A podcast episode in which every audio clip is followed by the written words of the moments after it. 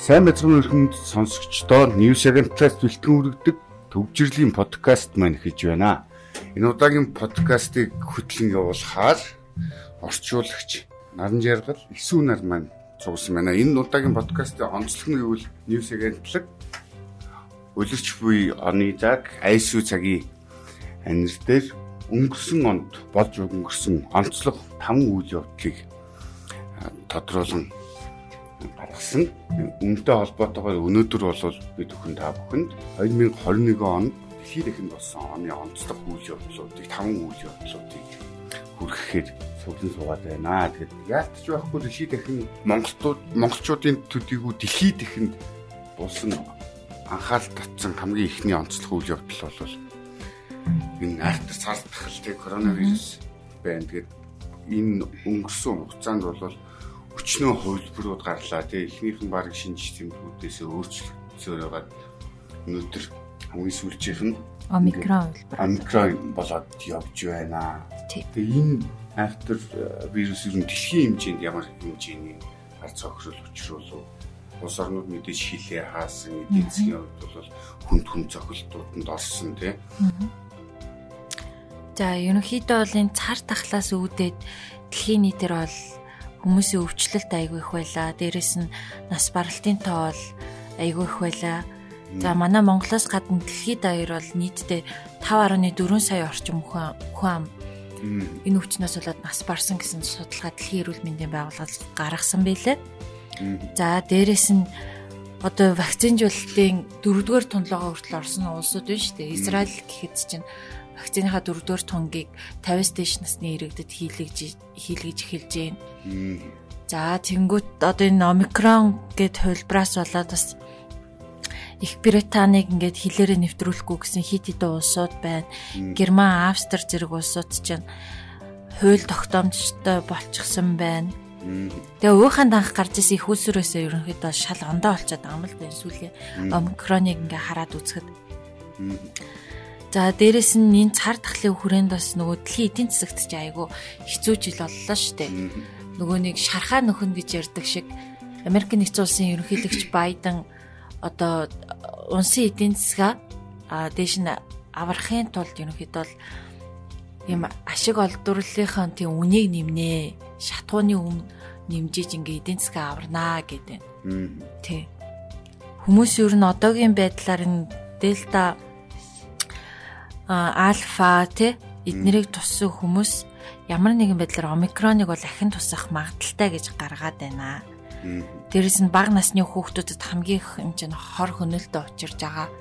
Дээрэс нь 5 наснаас дээш насны хүүхдүүдэд ч гэсэн ерөөхдөө вакцинжуулалт эхлэх хэрэгтэй байна. Pfizer вакциныг тарьж эхэлье гэд ингээд Америк нэгдсэн улсад хүртэл мэдээлэлүүд яваад байна. Монголын хувьд ч ихсэн айгүй хитүү хэцүү он жил боллоо шүү дээ тий.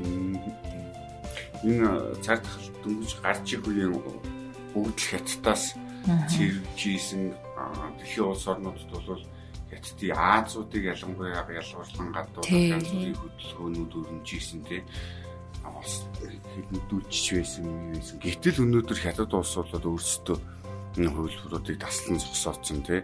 Эсэргээрээ дэлхийн улс орнуудыг одоо ийм улсуудаас манай Монголын хэлийг их чинь хаалцсан нүүрс тээвэрлт юмнуудаас осооцсон байж их жишээ нь. Тий. Одоо хятад чинь бол ганц уухан дээрээ л ахаад нэг асуудал дэлгэрч эхэлж байгаа юм билээ шүү дээ. Бусад мужуудад бол гайгүй. Уухан шаан хотуудад л ковидын тохиолдол ер нь нэлээд гарч байгаа юм байна. Сүүлийн үеийн судалгаагаар үзэхэд. Дээрэс нь хятадууд ч бас айгүй их залтай. Одоо ингээд 2 жилийн өмнө бол Азиудыг ингээл дээрлэхэл доромжлол явж исэн.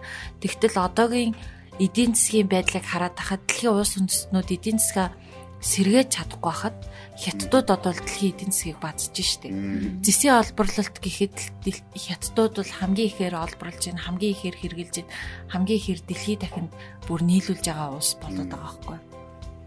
Энэ өвчин тэгэхээр бас бусад орнуудад ч ихсэн айгүй хэцүү тусч байгаа үед бол хятад бол нэр ярих юм байхгүй л гэж хэлмээр санагдаад. Одоо тэгээд хятадаас хамаагүй цэрвэхээр өөртөө бас бүрэн хамааралтай учраас амьдарч чадахгүй болчиход байна шүү дээ. Тий.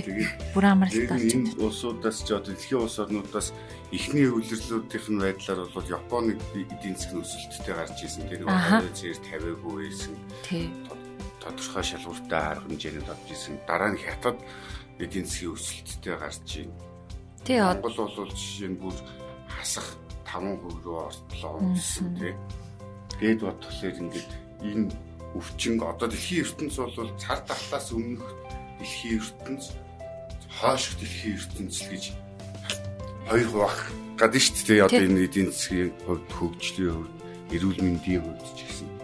Тийш та. Тэгээ бид нэр энэ өвчнөд бол цааш цаашдаа цуг амьдрах нь бол тодорхой боллоо.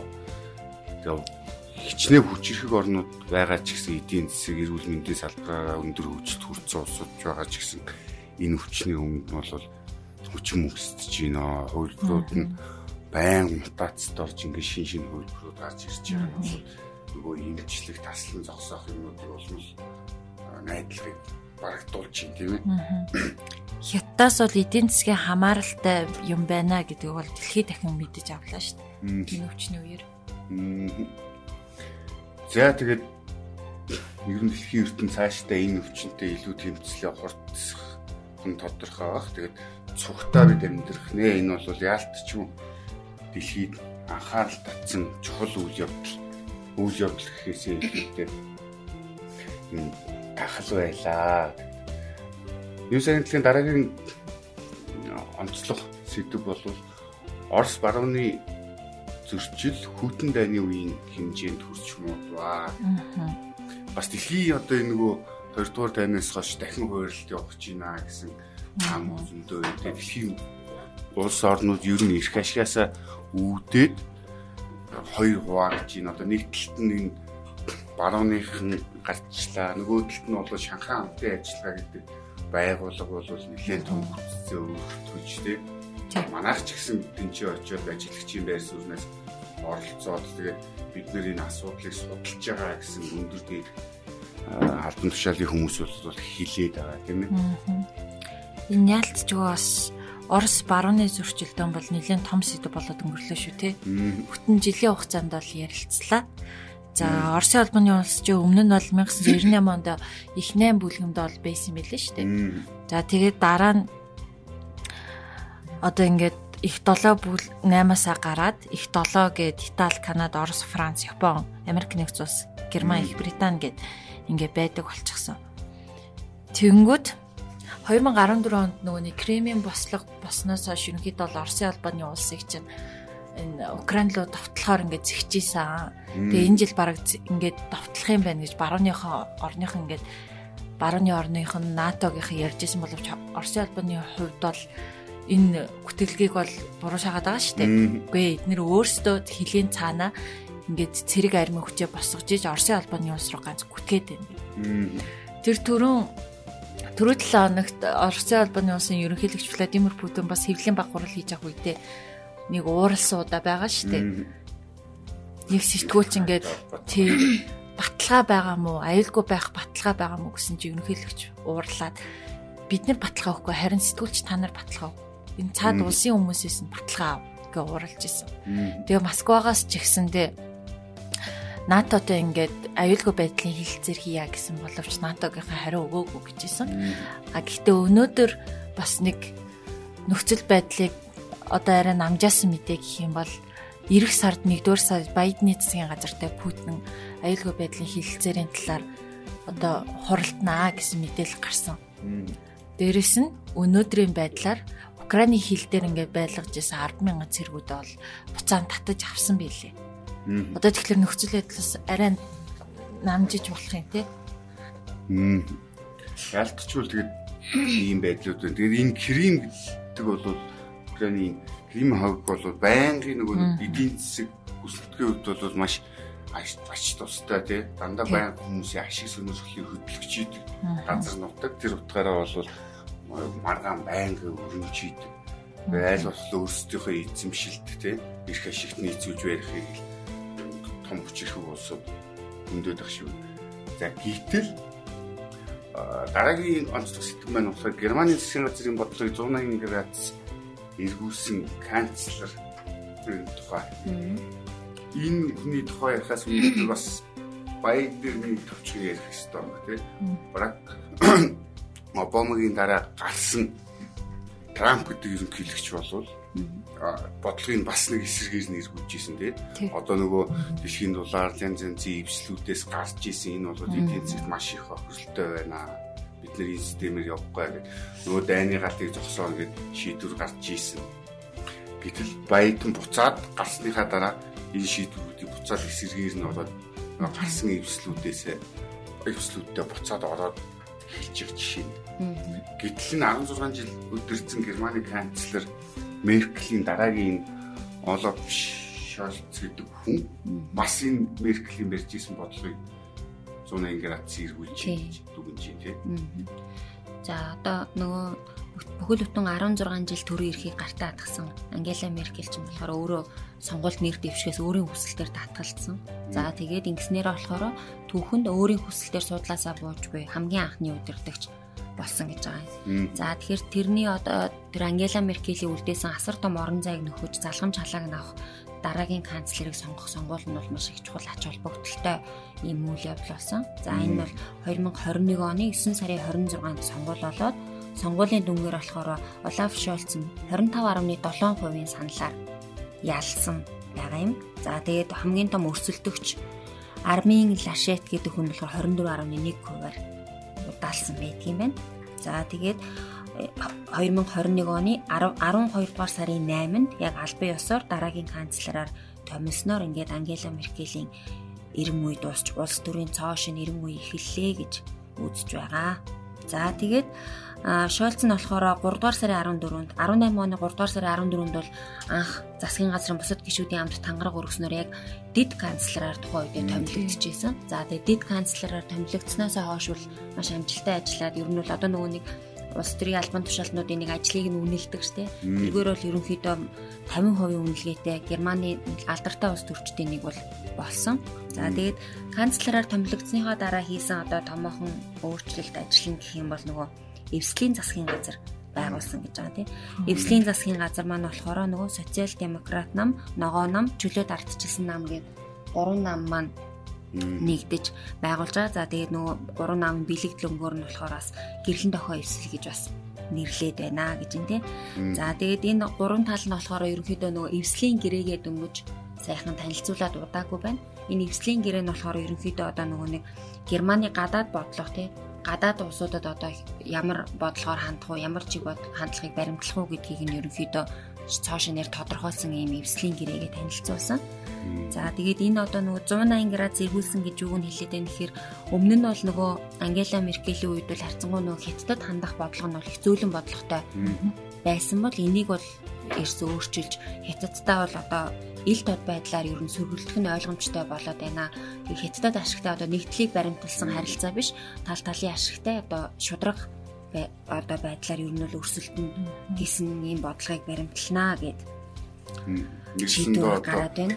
Европын дэвшлэлтэй нийлэл хэдий эсрэг бос зогсох нь л тийм. Шольц ч нас өөрөө айгүй залуугаас ер нь ус төрдөх орсон байж тээ 17 настайгаас эхэлж социал демократ намд ороод одоо хүртэл ингээ ажиллаж байгаа. За 10 хэдэн жил 16 жил гэд Германы доктор сурвалжтай толгойд байсан хүн гэд сайн дураараа бас өөрийнхөө ажилласаа татгалж хүсэлт гаргаж байгаа нь бас дэлхийн нийтийг шуугуулсан үйл явдал болсон тийм. Гэтэл одоо манай хойд урд хөршийнхэн гихтчил өөрсдийнхөө нөгөө бүрэн эрхийн хугацааг илүү сунгаж дахиж гарч ирэх боломжоо бүрдүүлсэн тийм хуйлуудыг санаачиж батлуулж жишээ нь тийм. Ихэд мэдээж нэгдүгürt эмхтэй хүн гэдэг утгаараа энэ ус төрөөс залхсан байж болно. Гэхдээ ер нь бас нөгөө талаараа бол бодлого шийдвэрүүд ч гэсэн өөр өөр өөртөө буучих шиг байна тийм. Яалтчгүй гэхдээ энэ хүн бол мундаг үдирдэгч аа гэдэг германчууд бол үдэж өгч байгаа ёслоос нь харагдж илэн шүү дээ. эсэргүүцсэн ч юм уу тийм ерөөсөө байхгүй тийм бүгд энэ баатар одоо хүчтэй лидер лидер гэдэг утгаар нь өдөн гаргаж байгаа харагдаж байсан. Ялцч юу Герман бас айгүй тийм лидер орн байсан шүү тий. Англи Меркелийн үед. За манай дараагийн дэлхийн онцлог үйл явдал бол хүн төрөлхтний ирээдүй технологи ба сансар. Тий. Бид нэр одоо нөгөө нүүрсээ гарах гарахгүй гэж төвлөрөө одоо шийдний шийдэхгүй машина 20 поли гэд ингээд энэ хооронд гэж их дэлхийн ертөнц бүр сансар гаргийг судлаад түүгээр зогсохгүй эхнийхээ жуулчдын явах авч явах жуулчдын нөгөө нэрсийг гаргаад тий сансарлуу бүр зүгээр аялаад хэлчихлээ тий. Аа. За. Ингээд байгаа маа. Тий. Тэр манай одоо нөгөө бидний хамгийн их муу хийлээд байдаг энэ урд төршийнхэн маань гихт ч л тий. Яг дэлхийн түүж ялж байгаа гурван улсын нэг нь болоод ингээд явж их жишээ нь Тий хятадууд ч өөрсдийнхөө сансрын пуужингаас хөөрөгчж байгаа юм чинь. Дээрээс нь саран дээр ийм хөрхөн ровер ингээд явуулаад сарыг судлуулад байна. Тэнгүүд нь сансар өгтрөгийн хувьд бол энэ жил 11 тийм том одоо үйл ажиллагааг явуулсан жил болсон. А тэр дундаас хамгийн том хоёр үйл ажиллагаа нь болохоор Artemis Apollo 2 програмын дагуу явсан юм үйл ажиллагаа болоод байгаа. Тэр нь болохоор яг сар дээр болон ангараг гараг дээр хүмүүсийг нутагшуулах зорилгоор явуулж байгаа Артемис нь хамгийн анхны одоо 11 сансар судлалын хүмүүсийг ингээд төгсгсөн байгаа шүү дээ сайхан. Аполло нь болохоор дараа жилээс бүр ингээ хүмүүсийг ангараг дээр амьдруулад тийм баг дунд жижиг дунд үйлдвэрийн одоо компаниудыг ч гэсэн тэр ангарах сар дээр ингэж өөрсдийн байгууламжаа байгуулахад туслах тийм хөтөлбөр болж өгöd байгаа байхгүй юу. Дээрээс нь дараа жилийн хугацаанд бол хоёр том сансрын пуужин нисгээр байна. Энэ жилийн үйл ажиллагаануудыг бүр үр өгөөж нь гаргахаар тийм судалгаа явуулахаар болоод байна. За тэгээд дээрэс нь сансрын хажуугаар энэ одоо манай дэлхийн ертөнцийн бол бид нөр өөрсдөө ийм 3D орчинд ингээд сансраар аялах боломжтой болж бас хувираад байна шүү дээ. Facebook-ийн одоо одоогор бол Meta компани маань Metaverse гэдэг 3D виртуал орчинг бий болгоно. А энэ нь болохоор Марк Зукербергийн хэлснээр 5-аас 10 жилийн хугацаанд бол бүрэн ашиглалтанд орно. А гэхдээ одоогийн байдлаар бол нөгөө NFT ашиглаад виртуал орчин дээр газар авах ч юм уу те эсвэл одоо бичлэг дуу оруулах тиймэрхүү зүйлүүд нь бол үргэлж нээлттэй байгаа. А гэхдээ зарим улс улсын иргэдэд бол хориотой тэр дундаа бол хятад маань орчод байгаа шүү дээ. Facebook-ыг бүр байналаад алга болгоцсон. Тэнгөт 5-аас 10 жилийн дараа ерөнхийдөө бол бид нэр бүгдээрээ VR шил ашиглаад те найз нөхөд холын хүмүүстэй яг хажууд байгаа юм шиг харилцах нэ. Гэтэ ерөнхийдөө бол 1900 одоо нөгөө нэг юу штэ 92 онд Snow Crash гэж шинжлэх ухааны зөвнөл зохиол байдаг да. Зохиолч Neil Stephenson тэрэн дээр л хамгийн анх Metaverse гэдэг нэр томьёо гаргаж ирснээр ерөнхийдөө бол Mark Zuckerberg сэдвлээд ингээ нэрээс хэлсэн. Ганц тэгтээ метагаас ингээд 3D орчилгон орчингоос төсөөлөд болохгүй хамгийн 2014 онд ч нөгөө нэг Oculus гэл гарсан шүү дээ. VR шил ашиглаад ингээд хүүхдүүд тоглож моглоод байсан. Тэр чинь бол наад захын жишээ болчихж байгаа байхгүй. Дээрэс нь Minecraft гэдэг тоглоом байна. Roblox гэдэг тоглоом байна тий. Fortnite зэднэр бүгдээрээ ямар нэгэн дүрт ингээд хувраад одоо тухайн орчиндөө амьдраад ингээд майнинг хийгээд ч юм уу те тэгэж олборлдог хамгийн наад захын жишээ нь болчиход байгаа байхгүй. Одоо ингээл 5хан жилийн дараа бид бүгд те манай ньюс цэг имэн агентлагийг ингээ бүр дотроос нь VR орчинд харах боломжтой болж хувирж байгаа. Тэгээ удахгүй бас манай Монголд ороод ирэх байх ганц хоёр компаниуд бол Facebook-тэй хамтраад ийм туршилт явуулж байгаа юм байна лээ. Тэгэл одоо бид нэр яг нөгөө гадны үзэл гэдэг гадны хийсэн нөгөө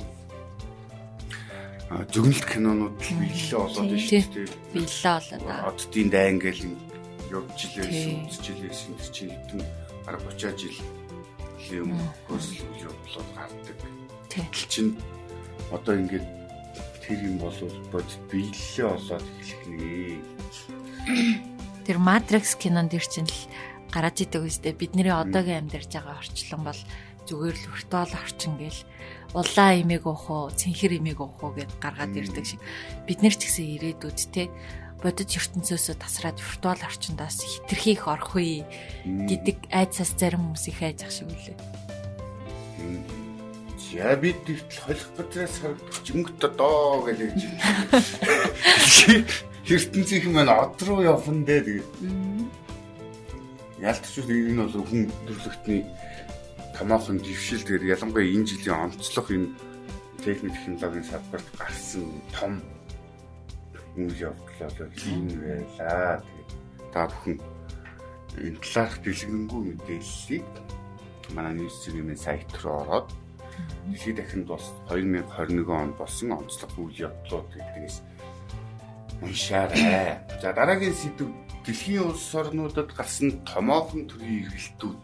Энэ хамгийн түрүүнд одоо бидний анхаарал тавьчихсан манай бас нэг бид чинь бас нэг дэлхийн хэмжээнд сэтгэхэд идэг хүмүүс гэлтэй тий. Хазаарууд монголчуудыгаа наашаа авах хөдөлгөөн үзүүлье гэж очироотрыг үзтээ ойлгосон ч юм уу ойлгоогүй ч юм уу хэвлэлийн баг хурал хийгээл юмсэн талибаны засгийн ирсэн гарсан талаарх мэдээлэл мэдээж бүгд анхаарал татсан үг явдлаа байлаа тийм За энэ одоо ингэж байна тий 20 жил үргэлжилсэн Афганистаны дайнд дуслаа гэж байгаа тий. Одоо та бүхэн бас санаж байгаа нөө яг 2001 оны 9-р сарын 11-нд Дэлхийн худалдааны төвийн хоёр ихэр цамхыг алан хийдэг Алкайда бүлэглэлийн одоо сөнөөгч онгоц ирж мөргөж сүрүүлсэн тийм явдал болсон тий. За тэгээд тухайн яг тэр мөчөөс эхлээд Афганистаны дайн эхлээд яг 20 жил үргэлжилсний эцэст 21 оны 8 сарын 15-нд нэг мөр өндөрлөлөө гэж байгаа. За тэгээд тухайн үед бол нөгөө нэг унаж буй эргээд нэг зураг алдартай болж исэн те. Яг тухайн үед нөгөө онгоц ирээд мөргөх агшинд аймаа аймаа одоо аврах гад үсэрч исэн. Тэгсэн бол яг одоо ингээд 20 жилийн дараа бас нэг унаж яваа тийм хүний зураг гарсан. Энэ хүн нь болохоор яг ямар учиртай унсан бэ гэхээр аа нөгөө нэг өмнөх хүн нь болохоор ерөнхийдөө амиа аврахын тулд унсан байгаа ч тийм энэ нь болохоор эрх чөлөөгөө алдахгүй гэсэндээ одоо нөө талибуудын харгас хуульд захирагдаж эрх чөлөөгөө алдахгүй гэсэндээ Америкийн нэгдсэн улсын цэргийн онгоцны дугуйнаас зүүгдэж нисэн нэг биш нилээд хідэн хүний тийм унж байгаа зураг ахиж ингэж яг 20 жилийн зайтай гарч ирнэл дэлхийн нийтийг хоёр дахин ингэж цочирдууллаа гэдэг тэгж байгаа. За тэгэхээр энэ нь болохоор ер нь бол эхний зураг л хүн төрөлхтөн терроризм гэдэг зүйл ямар аимшигтай вэ гэдгийг харуулсан бол хоёр дахь зураг нь болохоор дайн гэдэг зүйл хэр эмийг нэлтэй вэ? Энэ удаан үргэлжилсэн дайн ер нь юуны төлөө байсан юм бэ гэдгийг бас илэрхийлж байна гэдэг чинь. Зэргүүдийг аргатай зэрэгцээд их орноосоо зүтж байгаа шүү дээ. Тэр юм зүйл амьдрал хөөж аргаа болсон нийс онгоцны дуунаас зүгтж байгаа тамаа алдчихж байгаа. Тэгээ дээр нь бас энэ материалд ч гэсэн дурдсан байна л да энэ Талибаны ялтаар өндөрсөн урт дайны тохирлыг тоомлуул гэд. Энэ дээр бас нэг анхаарал татсан асуудлууд яваад. Яагаад тэр их зүг зүгээр тоног төхөөрөмж зэвсэглэлүүдээ Америкчууд орхиод явбаа тий. Энэ бас нэг өөрсдөө энэ нөгөө талибуудыг дэмжсэн юм шиг ийм бодлого нууц стратеги нь одоо ил болж гинөө гэж бичээд ах шиг тийм ээ. Тийм. Тэгээд юм чинь бол 85 тэрбум ам долларын үн бүхий зэвсэг гэж байгаа шүү дээ. Маш их хэмжээний зэвсэг дайны олзуулсан гэж байгаа. За дээрэс нь 47 мянган энгийн номхон иргэн ам өргөцсөн байна. Ойролцоогоор 6 сая афган хүн эх орноосоо дөрвсөн байна. Америкийн нэгдсэн улсын 24 2400 цэрэг нас барж 20 мянган цэрэг ирэмдэг зэрэмдэг болсон гэд маш их хохирол учирсан гэж байгаа. За тэгээд одоо нөгөө талибууд чинь яг Афганистаныг гартаа оруулаад өөрсдийн гэсэн шин засгийн газар аль биесээр томилчихсан бас сайд нараа томилсон. Гэтэл одоо анхаарал татсан асуудал нь юу вэ нөхөрэ сайд болж байгаа хүмүүс нь одоо дийлэнх нь нүби аюулгүй байдлын зөвлөлийн хоригт байгаа хүмүүстэй одоо 90 сурвалжлагдаж ийсэн алан гэдэг үйл ажиллагаанд оролцож ийсэн гээ дандаа тийм дахтар хүмүүсийг томилоо тавьчихсан байгаа. Тэгээд тэр нь бол бас дэлхийд дахны анхаарлыг их татаад байна. За тэгээд энэ шинэ засгийн газраа тогтоомох Исламын Эмират улс гэж нэрээ бол өөрчлөө томхоглосон байгаа юм билэ. Тийм. Ерөнхийдөө бол шашны бодлогоор л төрөг өдөрт гадаг шүү. Тийм. хэцүү юм гэдэг. Афганистан бол өмнө нь бас Оростой бас 20 жил байлцсан үс тээ. Тэгээд хин хинийхний ялагдлаар шоосууд бас зэрэгээ татал гараад жийсэн. Ялт ялтлаа. Өөрөөсөө бас их байж хүмүүс юм. Нөгөө бүс нүтгээ хөртч гисэн тэр нөгөө террорист зүйлүүдийг сүрсэн газар гэх юм уу? Сонио үлсээ тий өөрөө. Тэгээ нөгөө анх бас нэг ардчлалын ганц нэг салхи хүнэртж ийсэн юмнууд бол буцаадаггүй болчлоо шүү дээ. Гэтэ шүтгийг хангнаа үе шаттайгаа сурвал энэ боловсрол эзэмшүүлэх асуудлууд анхаарна гэжсэн бол хориглоо хийсэн тийм. Одоо тэгээд яг нөгөө нэг Афганистаны асуудлаар болохоор 2 сая 2 сар тутамд аюулгүй зөвлөл хуралдахаар болсон юм билээ л дээ. Энд нь одоо нөгөө Америкийн нэгдсэн улс, Хятад улс гэх мэт ингээд томоохон орны төлөөлөгчд оролцоод Афганистаны талаар ярилцсан юм билээ. Тэгээд одоо нөгөө яг энэ Афганистанд болсон явдлын дараагаар бол гар сунгасан хамгийн ихний ус бол одоогийн байдлаар хятад ус байгаа юм лээ. Тэгэхээр бас л нөгөө хятадын бодлого яваад байна тий. Ямар бодлого байна гэд бас энэ талаар бас мэдээлэл манай дээр өчигдөр өнөөдөр орцсон байгаа тий. Тэгээд хамгийн түрүүнд хүлээн зөвшөөрч байгаа тий. Тий. Тэгээ хамгийн түрүүнд тасламжийн гараа сунгаад 31 сая ам доллартай дүйцэх хүнс юм гээд ийм бүтээгдэхүүн тусламжийг үзүүлсэн ингээд тэгж байгаа. Ер нь бол одоо нөгөө нэг Афганистан Америкийн нэгдсэн улсын үлдээсэн эдийн засгийн хоосон орон зайг нь гялс дүүргээд эхэллээ гэдэг үзчихэл байгаа юм лээ л дээ. Тухайн үед бол нөгөө хятадын хүний эрхийг хаан богдуулдаг гэдэг утгаар нь бол өөрөөдийн эрхийг маш их зөрчдөг учраас энэ хүмүүс э, Талибаныг дэмждэг нь бол энэ өөрсдийн аюулгүй байдлыг хамгаалах гэсэн зорилготой bijсэн болов. Цаад санаа нь бол энэ ойрын өдрүүд манай мэдээлэл дээр ч гараад байгаа тийм. Мессеж агентлаг бас бичсэн байсан манай таамагчид. Тэр Талибаны бас нөгөө нэг хууль дүрмүүд нас айгу шин шин хууль дүрмүүд л шүү дээ. Нөгөө эмгтээчүүд нь сурч боловсралж болно. А гэхдээ хажуудаа заавал эрэгтэй хүний хараа хяналтанд ор сурна. Тэнгүүтээ юу гэлээ 45 км-ээс цаашаа хитэрч явж болохгүй. Эрэгтэй хүний хараа хяналтанд дунд л байх хэрэгтэй гэдэг. Аа яа. Тэгээд дэлхийн ертөнцийн нэг болонд нэг ийм айхтар одоо засгийн эрхний хүмүүсүүд гарлаа. Гэтэл бас нэг харамсалтай мэдээлэл бол альцсан тогтолцооноос дахин цэргийн гарт ороод би Мямар улс гэдэг.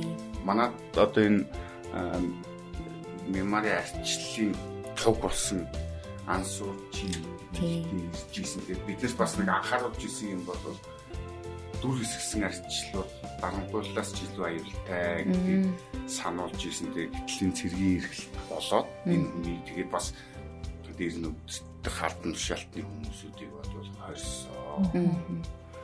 Тий. Одоо нөгөө мемори удирдахч Ансан Сүжиг 2 дугаар сарын 1-нд бол тус усын зэвсэг төвчнийхэн барьцаалсан байгаа тий. Тэгээ барьцаалсан нь болохоор ямар үндэслэлээр ихээр нөгөө нэг өнгөрсөн оны 11 сард болсон парламентын сонгуулийн дараагаас ер нь нөхцөл байдал хурцлаж эхэлсэн. Сонгуулийг бас нөгөө лөөвөртэй болсон гэж үзэж байсан. За тэгээд э, энэ одоо энэ сонгуул өөртөө болсон гэж үзэж байгаа учраас одоо ан сан суучиг болон ерөнхийлөгч Вин Минт бас босод удирдагч нар хотын дарга нар гээд нийтдээ 42 улс төрийн зүтгэлтэн 16 иргэний нийгмийн төвтнүүдийг баривчилсан. За тэгээд ингэж баривчилснаар бол ерөнхийдөө төрийн эргэлт гарч болцсошгүй байдалд хүрээд байсан. За тэгээд ансан сувчийг баривчилсны дараа болохоор ер нь бол төрийн бүх эрх мэдлийг Мямарын цэргийн дээд командлагч генерал Мин Аун Лайн гэдэг энэ хэлэхэд хэцүү нэртэй хүн байна. Энэ хүний гарт ер нь бол шилжиж байгааг зарласнаар ингээд төрийн эргэлт ер нь бол гарлаа гэдэг нь тодорхой болоод байгаа. За тэгээд одоо Мямар улс маань өөр болохоор 50 жилийг ерөнхийдөө цэргийн хатуу дэглэмд өнгөрүүлсэн. За тэгээд 11 оноос арчилсан тогтолцоонд шилжээд байсан боловч одоо ингээд буцаад цэргийнхний гарт ороод байна гэдэг жаа. За тэгээд одоо энэ шин засгийн эрхийг барьж байгаа хүмүүс нь болохоор ерөнхийдөө нэг жилийн хугацаатай цэргийн дэглэм тогтоосны дараагаар шудраг сонгуулийг дахин зохион байгуулад ялсан одоо улс төрийн хүчинд нэрх мэдлээ шилжүүлнэ гэж хэлж байгаа боловч ард иргэд нь бол энэ дээр бол төдийлөн бас итгэлгүй л байна гэсэн байлээ. За ингээд юу сарнтлгийн оны онцлог дэлхийн дахинд болж өнгөрсөн онцлог үйл явдлуудыг таймлан хүргэсэн подкаст маань өндөрлөж байна. Та бүхэн онцлог 5 үйл явдлыг бүрэн гэхээр унших хүсвэл News цэгийн сайт руу ороод дэлхийд ихэнд болсон онцлог 5 үйл явдлыг нэрлэж байна гэдэг гарчаар хайгаад уншиж болох нэ. Тэгээд бидэн ч гэсэн эндээс бас сургамж авах зөндөө үйл явдлууд байлаа. Тэгээд тэр ч утгаараа нэмсэг энтлэг энэ таван үйл явдлыг онцлон хүргэлээ. Тэгээ бидэнд ч гэсэн бас нэг дабл стандарт гэдэг юм тогтоод нилээ удаж чинь гэдэг жагсаа зүлаа хийгээд л байгаа тийм ээ. Тэгээ та бүхэн амралтын өдрүүдэд аяг тогтоо сайхан өнгөрүүлээрэй. Тэгээд ирэх өдрүүдэд илүү олон дэлгэрэнгүй мэдээлэлтэй дотоодын үйл явдал болоод спорт соёл урлагт ямар үйл явдлууд болж өнгөрвөө гэдгийг дараа дараагийн подкастуудаараа өгөх болно. Баярлалаа. Баяртай. За баяртай.